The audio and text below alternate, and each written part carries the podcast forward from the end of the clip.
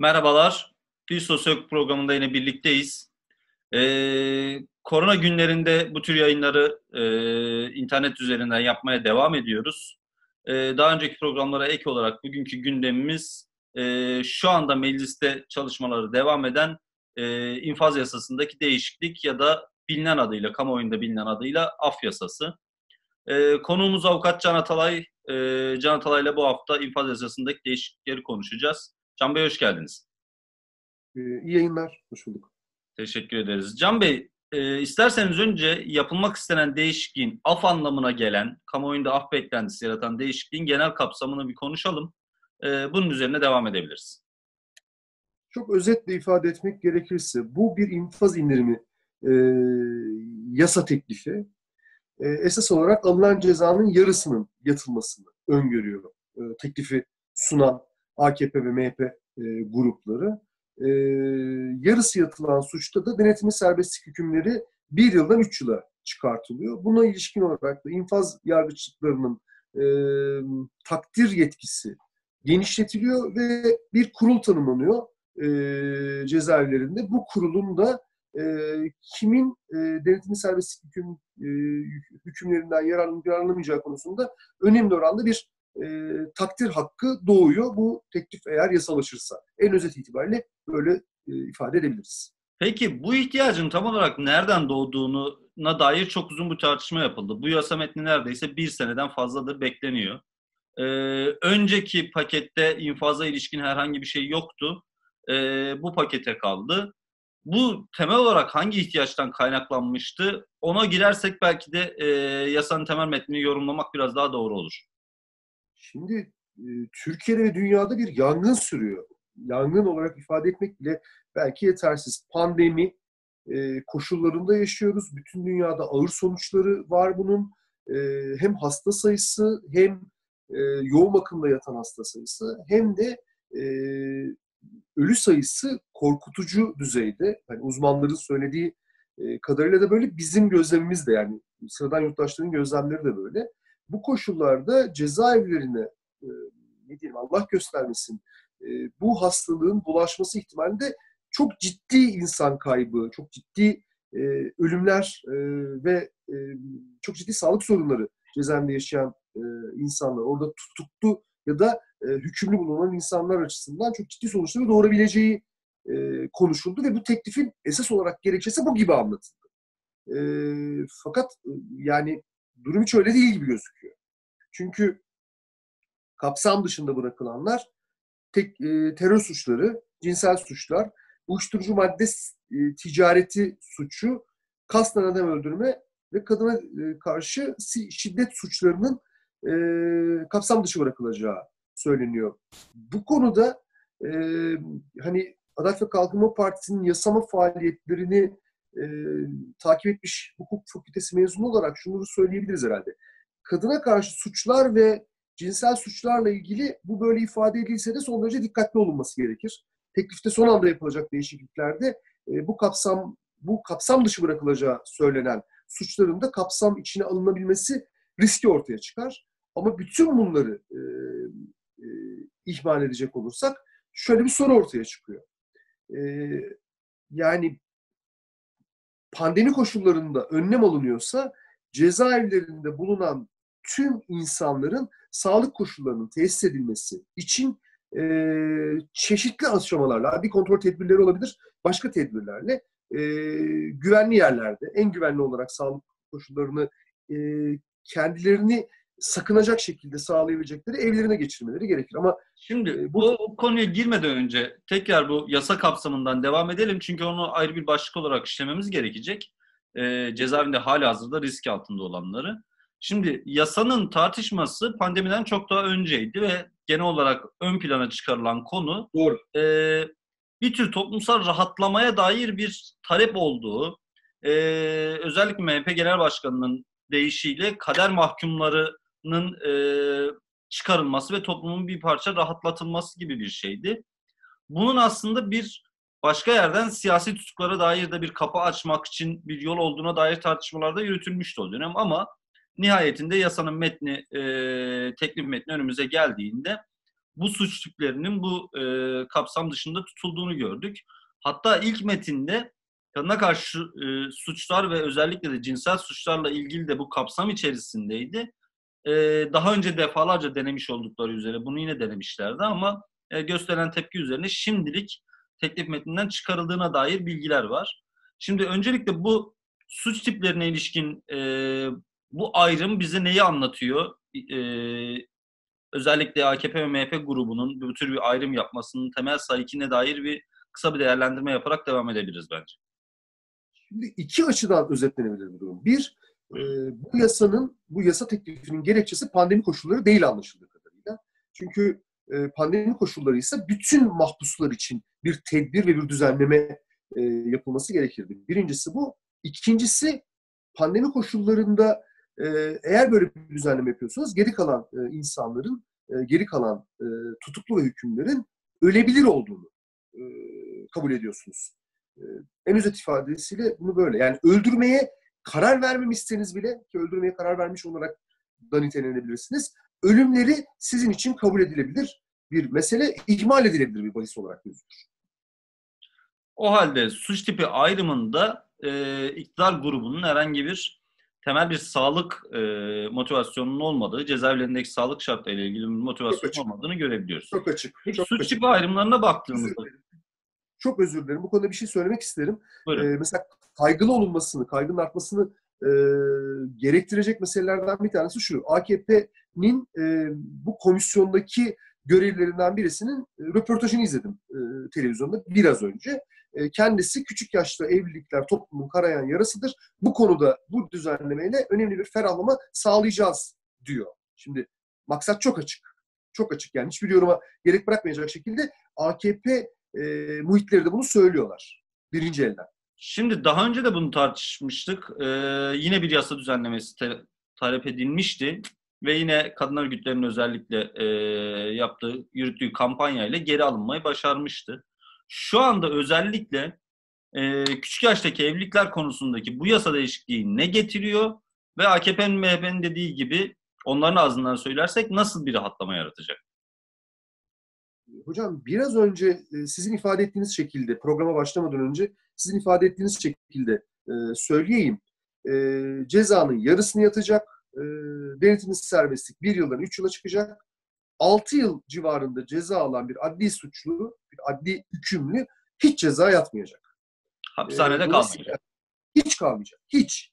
E, şimdi bu e, cinsel suçlar olarak burada tanımlanan ama AKP vaizlerinin e, küçük yaşta evlilik sorunu diye ifade ettikleri şey bu kapsama girer. Yani bu kapsama girer. Cezaevinde hiç kalınmayacak e, olur. E, bu suçu işleyenler e, esas olarak yani şu ana kadar bu korkunç bir durum.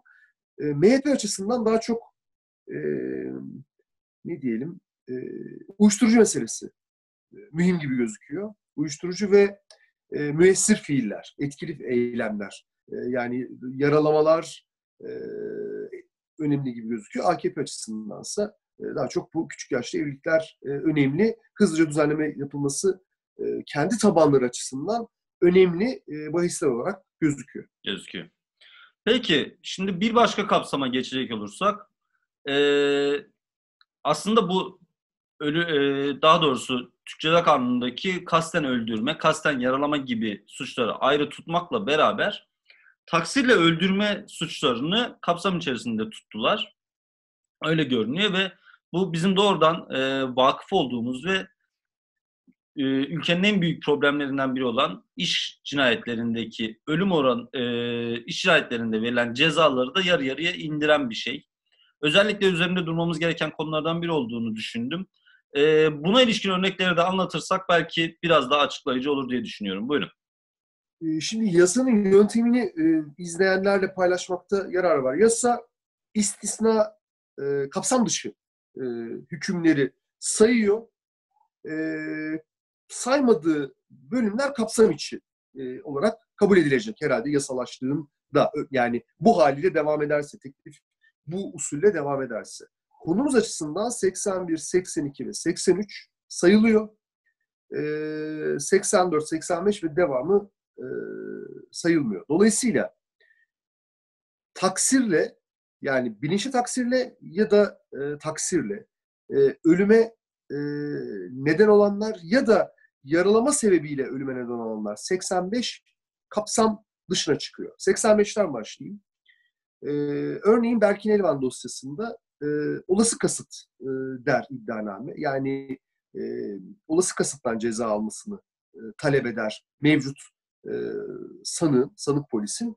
E, fakat e, biz öyle beklemiyoruz. Öyle olması gerektiği dosya kapsamında çok açık ama e, sanıkla ilgili mahkeme bilinçli taksirden ceza verirse ceza alan sanık şu ana kadar hiç tutuklu kalmadı e, ve bir gün e, dahi tutuklu kalmadan ne diyelim bir e, bu süreci atlatmış olacak. Ali İsmail dosyasında yaralama sebebiyle ölüme neden olmadan en son yargıtay bozmalarından sonra e, karar kesinleşti. E, onlar da bundan yararlanacaklar. E, Abdullah Cömert dosyasında yararlanacaklar. E, diğer e, polis şiddeti nedeniyle ölen insanların dosyalarının önemlice bir bölümünde bu infaz indiriminden zaten zaten cezasızlık söz konusuydu. Zaten evet. e, neredeyse hiç cezaevinde yatmazlardı bu insanlar. Ay, Abdullah Cömert'in e, katili iki ay oldu olmadı cezaevine gireli hızlıca e, tahliye olacak. Cezasızlık, e, polis şiddetine ilişkin e, cezasızlığın misli arttırılması niteliğinde bu mesele. Diğeri ise e, sizin de ifade ettiğiniz gibi sosyal cinayetler. Şimdi e, Aladağ'dan başlayalım. Aladağ'da e, kaçak bir e, yurtta, kaçak bir binada faaliyet gösteren kaçak bir yurtta, 72'den bu yana hiçbir denetim yapılmayan bir yurtta 11 kız çocuğu, 12 yurttaş yanarak göz göre göre ölüme gönderildi. Bununla ilgili olarak şu ana kadarki yargı pratiğimizde e, örneği görülmeyen bir karar verdi Kozan Ağır Ceza. Biz kararın e, olası kasıttan verilmesi gerektiğini düşünüyorduk ama hayır dedi. E, bilinçli taksirden ceza verdi fakat önemli cezalar verdi. E, o insanlar da yani o Süleymancı cemaatine e, mensup e, oradaki yurdun yöneticileri de e, bu bu ceza indiriminden, bu infaz indiriminden yararlanacaklar. Ermenek yararlanacak. Şirvan zaten bir şey olmuyordu Şirvan'da. Yararlanacak. Soma'da yararlanacak. Şimdi Soma'da yakın zamanda tahliyeye neden olmayabilir ama cezalarda yani yakın zamanda değil? Bir yıldan önce tahliyeye neden olmayabilir ama cezalarda önemli oranda bir e, indirime neden olacak. Daha da kötüsü e, Çorlu ve Ankara Yüksek Hızlı Tren e, katliamlarında e, cezai sorumluluğun alt düzey bürokratlardan üst düzeye doğru, özellikle Çorlu açısından söylemek isterim. E, Devlet Demir Yolları, Türkiye Cumhuriyeti Devlet Demir Yolları 1. Bölge Müdürü ve Genel Müdür'e doğru çıktığı dosyayı takip eden herkesin malumu. Onlar bu infaz indiriminden yani bu cezasızlıktan yararlanacaklar. E, dolayısıyla bunun kabul edilebilir bir tarafı yok. Şimdi o zaman e, sosyal cinayetler ve özellikle de polis şiddeti dosyalarında karşımıza çıkacak olan sonucu bir özetleyerek devam edelim isterim. Cezasızlık. olarak cezasızlıkla uğraşıyorduk zaten hali hazırda. E, cezasızlıkla mücadele ediyorduk biz. E, ceza aldırmak dahi çok zorken bu ülkede bu, e, bu tür dosyalarda ceza aldırmak dahi çok zorken şimdi yeni düzenlemeyle aldırmayı başardığımız herhangi bir cezanın infazı da e, cezaevindeki infazda neredeyse mümkün olmayacak diyebiliriz herhalde. Ee, Akçay Bey şöyle söyleyeyim. Biz o insanların şahıslarıyla ilgilenmiyoruz. O insanların e, ceza alıp almamasından daha öte Türkiye'de e, ihmaller zinciri ya da e, yani kamu görevlilerinin görevlerini yapmamalısı, ihmaller zinciri ya da yoksulluğun istismarı sonucunda insanların ölümünün o kadar kolay olmadığı, bunun hesabının sorulacağını gösterir kılmaya çalışıyoruz. Bunu bunu e, örnek dosyalar yaratmaya ve bu vesileyle Türkiye'de e, cemaat yurtlarına mahkum edilmiş olan çocukların sahipsiz olmadığını e, ya da maden işçilerinin sahipsiz olmadığını, onların da hesabının hukuken sorulmasının mümkün olduğunu, ne kadarsa o kadar eksiğiyle, ne kadarsa o kadar mümkün olduğunu ya da bir bilet alıp e, trenle yolculuk eden insanların göz göre göre ölüme gönderilmesinin hesapsız kalmaması gerektiğini örnek yaratmaya çalışıyoruz. Bu bu esas olarak bu düzenleme bunların önünü kapatıyor. Ee, biraz önceki meseleye dönmek isterim. Şimdi bunu böyle yaparken, bunu böyle yaparken e, AKP ve MHP vaizleri e, çok e, açık bir şekilde bunu başta bir af olarak nitelediler. Fakat dediler ki Anayasa Mahkemesi'nin eşitlik ilkesine aykırılık, anayasanın 10. maddesi e, uyarınca bir iptal ve kapsam genişletme kararı vermemesi için gerekli teknik çalışmaları yapıyoruz dedi. Bu çalışmalar ilk başladığında yapılan açıklama buydu. Hı. Yani eğer bu bir af olsaydı, normal koşullarda bu bir aftır. Bu bir af olsaydı Anayasa Mahkemesi 1974 tarihli kararında da olduğu gibi bir iptal kararı verirdi ve kapsam genişlerdi. Başta adına terör suçluları, terör nedeniyle tutuklu dedikleri ezici çoğunluğu düşünce suçlusu olan insanlarda, mahpuslarda e, cezaevinden çıkarlardı. Esas Tam olarak o konuya bunu... gelecektik açıkça. Ee, sizin de başladığınız iyi oldu. Sizin kaldığınız yerden devam edebiliriz. Genel olarak kapsam dışı bırakılan suçların iki tane temel şeyi e, görüyoruz. Bir, e, terörle mücadele kanunu kapsamında işlenmiş olan suçlar. İkincisi de yine zorlanarak, e, o kısmı vurgulamadan edemeyeceğim, e, zorlanarak kapsam dışarına çık çıkarılmış olan e, kadına karşı işlenen suçlar ve özellikle cinsel suçlar. Sözünüzü keseceğim ama çok özür dilerim. Bu konuyla ilgili de olarak biz bunlara, yasa da buna, e, cinsel suçlar, e, cinsel saldırı suçları diyoruz en kapsayıcı ifade evet. olarak. AKP temsilcileri bugünden itibaren e, küçük yaşta evlilik diye ayrı bir kavram kullanmaya başladılar. Evet. Dolayısıyla buna ilişkin de bir müdahalede bulunacaklardı. Çok özür dilerim sözünüzü kestim. Estağfurullah. Şimdi e, kadına karşı olan kısmı, kadına karşı suçları, özellikle cinsel suçları konuştuk. Şimdi bir şekilde kapsam dışı bırakılan diğer suç tipi olarak yine çok kaba bir tabirle siyasi suçları e, da dahil edebiliriz şu anda. Siyasi suçların kapsam dışı bırakılmasındaki SAİK'le kanunun çıkarılması dönemindeki SAİK'in e, arasındaki bağlantıyı nasıl kurarsınız? Zaten alışkınız siyasi suçlar genellikle herhangi bu tür bir düzenlemeden çoğunlukla faydalanamazlardı. Ama başladığı dönemdeki tartışmalarla aradaki bağı nasıl kurmamız gerekir? Göz bağcılık. Bunun adı göz bağcılık, hokkabazlık. Ee, yine halkı e, kandırma e, çabası, halkı kandırma girişimi. Pandemi dönemi ise, biraz önce de söylemeye çalıştım, pandemi dönemi ise bütün e, mahpusların pandemiden korunması, sağlıklarının tesisi için e, eşit önlem alınması gerekir. Yani anayasal gerekçesini işaret etme gere- gerekiyorsa anayasanın 10. maddesi uyarınca e, bence buna dahi gerek yok. Yani çıplak göze bakan e, basit bir akıl, bir muhakeme e, sürdüren birisi bunu söyler. Bunu böyle yapmayıp e, belki de 10 yıldır çıkartmaya cesaret edemediğiniz affı, af e, yasasını bir infaz indirimi kılıfı arkasına kapsam genişlemesin e, diyerek gizleme çabasını çirkin, e, insanlığın gördüğü en çirkin e, en büyük çirkinliklerden birisi olarak nitelemek isterim. Şimdi e, cezaevinde terör iddiasıyla e, bence makul olmayan tutuklu tutulan e, ya da hükümlü olan Türkiye'nin mevcut ceza yargılaması pratiği içerisindeki hukuksuzlukları vurgulayarak söylemek istiyorum. E, Türkiye'nin artık bir hukuk devleti olarak nitelenemeyeceğini vurgulayarak söylemek istiyorum.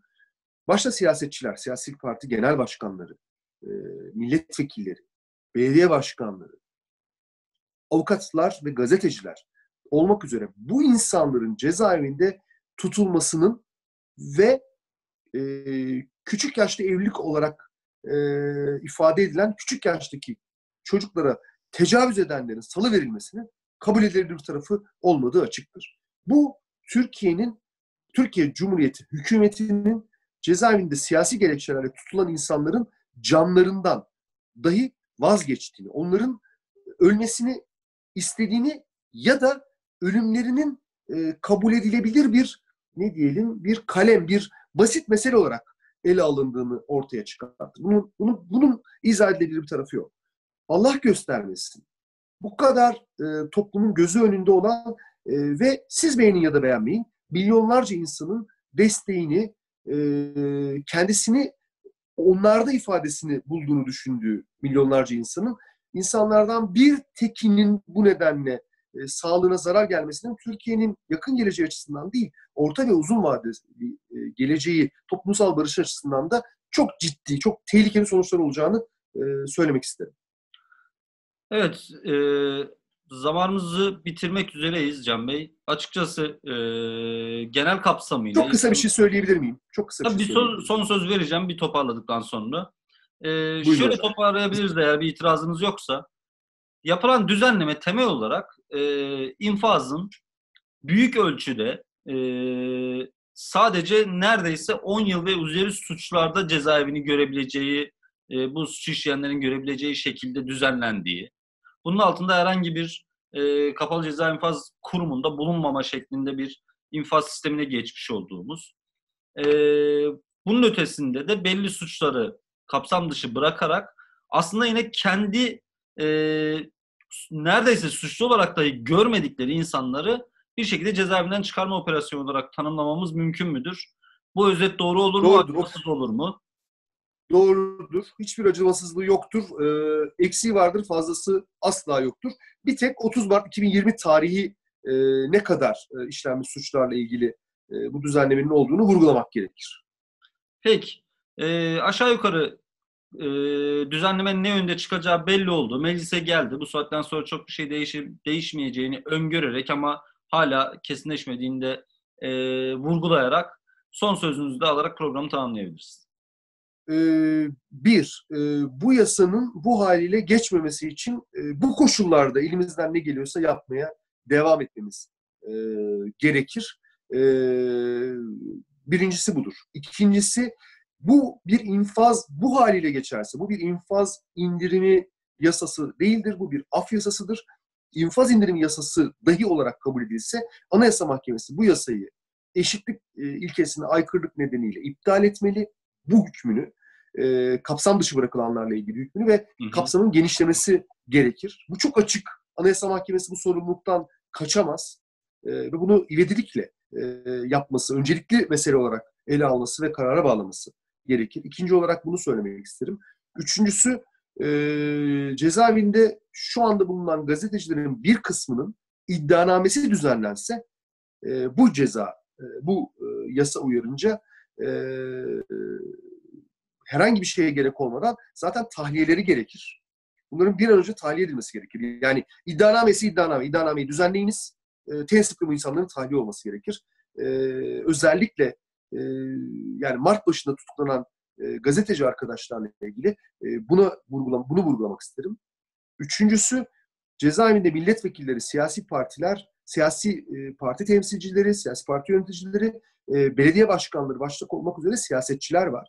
Bunlar özel, özel olarak Fırat'ın öte yakasında çok önemli karşılıkları olan, e, Kürtçe konuşan e, Türkiye Cumhuriyeti yurttaşları açısından, Kürtler açısından e, yüksek oranda sahiplenilen insanlar. Bu insanların sağlıkları ihmal edilebilir, sağlıkları riske atılabilir bahisler değildir. Bu insanların evleviyetle tahliyesi gerekir. Dördüncüsü e, cezaevindeki e, avukat arkadaşlarımızın e, canı e, bize emanettir. Onların da canı önemsizleştirilemez. Eğer gerekçe pandemi ise şu kadar samimiyet varsa o insanların da hızlıca cezaevinden çıkartılması gerekir. Peki. e, çok teşekkür ederiz Can Bey. E, Ben teşekkür ederim. Eklemek istediğiniz başka bir şey yoksa programı kapatıyoruz. Siyasi gerekçelerle tutuklu olan herkese özgürlük.